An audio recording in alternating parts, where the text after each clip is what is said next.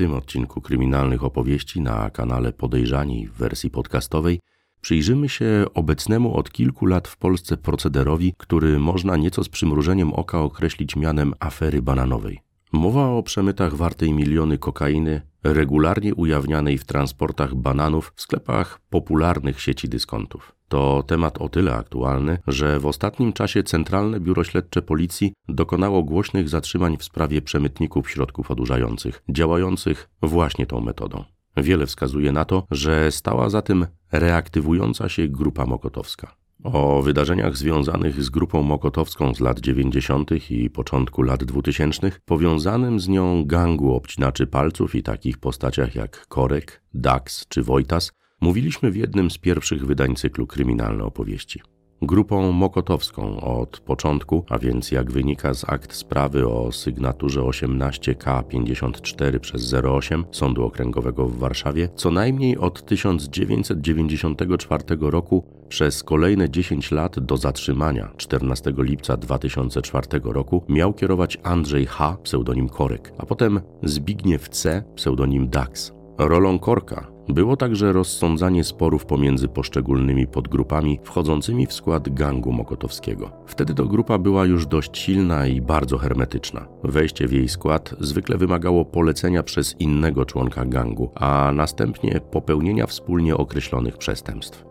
Po takim sprawdzeniu wchodziło się do jednej z podgrup, które zajmowały się konkretną działalnością wymuszaniem haraczy, napadami, produkcją, przemytem i handlem środkami odurzającymi, a w końcu porwaniami i zabójstwami. Przynależność do grupy mokotowskiej polegała na powoływaniu się na nią. W praktyce struktura liczyła nawet kilkuset członków, którzy w większości wzajemnie się nie znali. Dziś Korek ma przebywać już na wolności, a Dax zmarł na nowotwór węzłów chłonnych. Ogromną rolę w ramach grupy mokotowskiej odegrał tzw. Tak gang obcinaczy palców, w którym prym wieść mieli Wojciech S., pseudonim Wojtas Wel kierownik, z wykształcenia mechanik samochodowy, a z zawodu oficjalnie wykonywanego budowlaniec, skazany ostatnio prawomocnie na dożywotnie pozbawienie wolności oraz Grzegorz K., pseudonim Ojciec Wel Sołtys, występujący przed sądem na szpitalnym łóżku ze względu na chorobę kręgosłupa.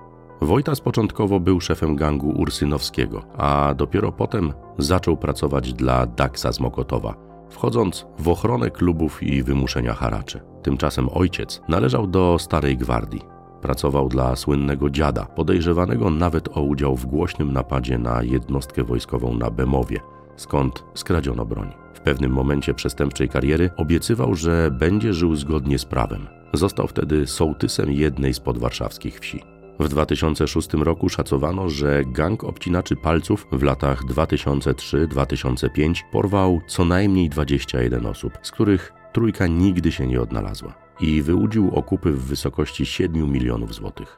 Najniższy żądany okup wynosił 100 tysięcy złotych, najwyższy milion euro. Realnie porwań mogło być nawet dwa lub trzy razy więcej. Gangsterzy nie zawsze, choć często, stosowali metodę na policjanta. Mieli kurtki z napisami policja i błyskające na niebiesko koguty. W większości przypadków osoby postronne myślały, że mają do czynienia z prawdziwymi policjantami.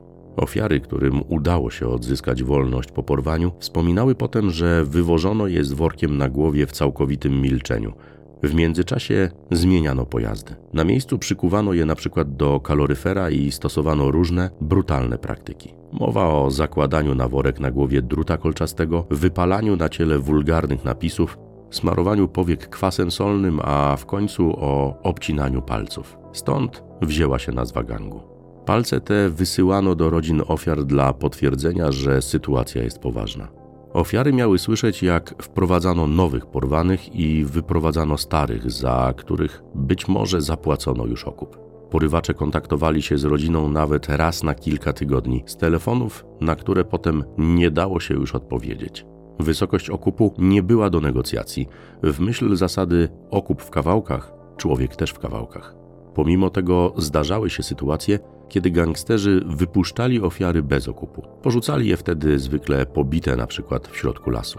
Zapewne bali się wówczas, że wpadną. Jednymi z najgłośniejszych uprowadzeń gangu obcinaczy palców były te dokonane na Ewelinie Bałdydze, córce potentata branży mięsnej, Józefa Bałdygi. Hindusie Harishu Hitandże, przez pobyłkę wziętym za brata swojego szefa, czy Karinie Surmacz, córce dilerki narkotykowej o pseudonimie Andzia. Grupa Mokotowska już wtedy miała bardzo duży udział w polskim rynku środków odurzających. Swego czasu mówiono nawet, że wręcz go zmonopolizowała. Swój udział miał w tym Marek M., pseudonim Żyd, który dysponował kontaktami z kolumbijskimi kartelami. Swoją drogą to na transporcie 396 kg kokainy, potem mówiono o nieco ponad 320 kg, wartej 80 milionów złotych do portu w Gdyni, wpadł w 2004 roku korek trafił za kratki. Usłyszał wyrok 10 lat pozbawienia wolności, do których potem dołączyły inne kary. Tymczasem najnowsze doniesienia o kokainie w bananach transportowanych do sklepów popularnych sieci dyskontów w Polsce pochodzą z przełomu stycznia i lutego 2022 roku. Jak w poniedziałek 31 stycznia podało RMFFM, w siedmiu sklepach znanej sieci w Gdańsku i Starogardzie Gdańskim pracownicy znaleźli paczki z białym proszkiem ukryte w bananach. Może to być kokaina. Dosłownie dzień później o podobnej sytuacji z Olsztyna donosiła Wirtualna Polska, powołując się na lokalny portal olsztyn.com.pl. 12 kg białego proszku, prawdopodobnie kokainy, zostało wykrytych w jednej z olsztyńskich biedronek. Pakunki z narkotykami ukryte były w bananach. Na miejsce przyjechali policjanci z grupy dochodzeniowo-śledczej oraz technik kryminalistyki. Wstępne badania wykazały, że jest to prawdopodobnie kokaina komentowała podkomisarz Anna Balińska, oficer prasowy Komendy Miejskiej Policji w Olsztynie. Zdaniem Artura Malczewskiego, eksperta Krajowego Biura do Spraw Przeciwdziałania Narkomanii, który wypowiadał się dla portalu interia.pl, takie sytuacje to błędy przemytników, kiedy dla przykładu przez złe oznaczenie skrzynek z narkotykami w bananach członkowie gangu nie odbiorą ich z kontenerów i te trafią ostatecznie do sklepów. Faktem jest, że obecnie najwięksi producenci kokainy na świecie to Kolumbia, Boliwia i Peru, kraje w Ameryce Południowej, skąd do Europy trafiają też właśnie banany. Szacuje się, że na stary kontynent rocznie drogą morską przerzuca się około 200 ton kokainy, przede wszystkim do Holandii i Belgii, a dalej do innych krajów. Odpowiada za to tak zwana mokromafia, czyli marokańsko-holenderskie grupy przestępcze, które niemal zmonopolizowały przemyt środków odurzających z Peru do Europy, o czym mówiliśmy w pierwszym odcinku nowego cyklu Kryminalne opowieści świat. Jak w dużym uogólnieniu może wyglądać organizacja takiego przemytu, przedstawiliśmy w innym materiale na przykładzie hiszpańskiej marihuany sprowadzanej do naszego kraju przez gang braci zielonych, wywodzący się ze środowisk pseudokibiców Krakowi. Jego członkowie mieli udać się do Hiszpanii, gdzie firmę prowadził Polak, winien im sporą sumę pieniędzy.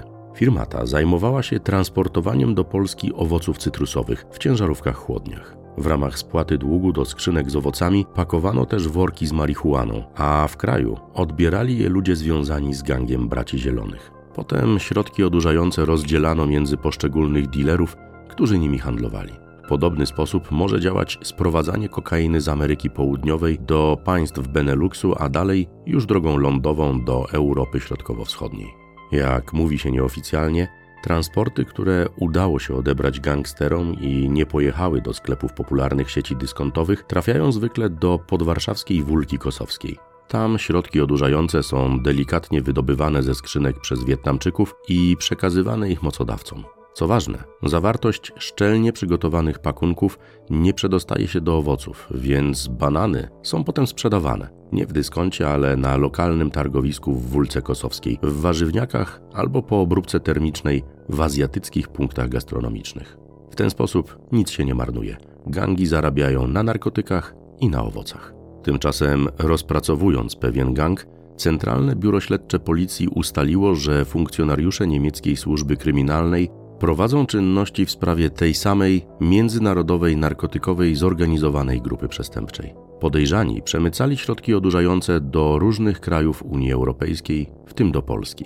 Po wymianie informacji i obraniu wspólnej strategii, już kilkanaście dni później, pod koniec 2021 roku, śledczy zatrzymali jednego mężczyznę, zabezpieczając przy nim przeszło 60 kg środków odurzających.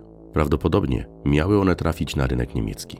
Jak się okazało, nie przeszkodziło to w dalszej działalności gangu. Kolejna realizacja służb nastąpiła w połowie lutego 2022 roku w okolicach Hamburga. Tam wpadło trzech Polaków, przy których ujawniono łącznie blisko 200 kg narkotyków, ukrytych w naczepie samochodu ciężarowego w skrzyniach z warzywami i owocami. Transport najpewniej zmierzał do Polski.